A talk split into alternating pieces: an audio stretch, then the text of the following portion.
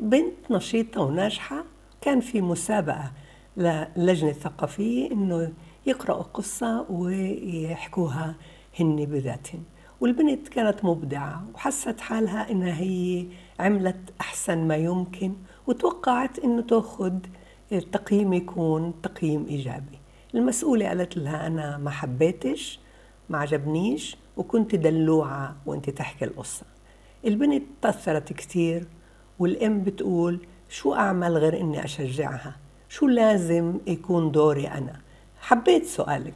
دورك مهم كتير للتدريب بالحياة على هيك حالات لأنه أغلبنا مناكل كف أغلبنا بناخذ صدمات أغلبنا بنتلقى مرات آه، حالة اللي ما كناش متوقعينها.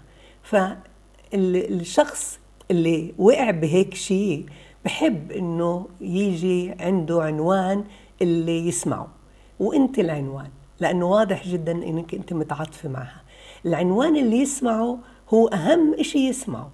حتى لو مرات كتير كان اللي بحكيه مش على مزاجك ماما أو مش حبيبتي أو مش قيمك ها هو عم بعبر عن حزنه عن قلقه عن ضغطه عن غضبه عن انفعاله ها وكل التعبير تبعه بهاي الحالة هو بيطلع لها. خليها تعبر. بعد ما تعبر وتخلص إياك تصححي. إياك تقولي لها ما لكيش حق. إياك تقولي لها هذا غلط. الشعور بهاي اللحظة هذا الشعور صادق شعور ذاتي. بس اصغي وأصمتي. الآن يمكن تسألك تقول لك شو بتقولي ماما؟ تقول لها أنا بقول إنه أنا دايما دايما حدك.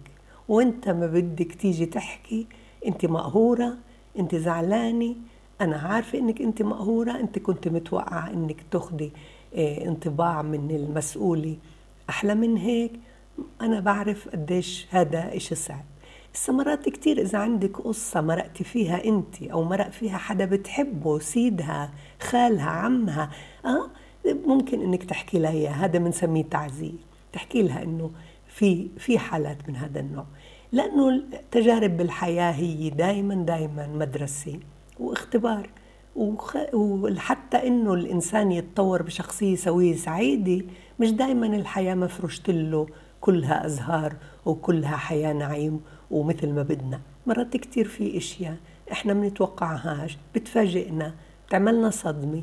هاي الصدمة هي نكتسبها كخبرة في الحياة.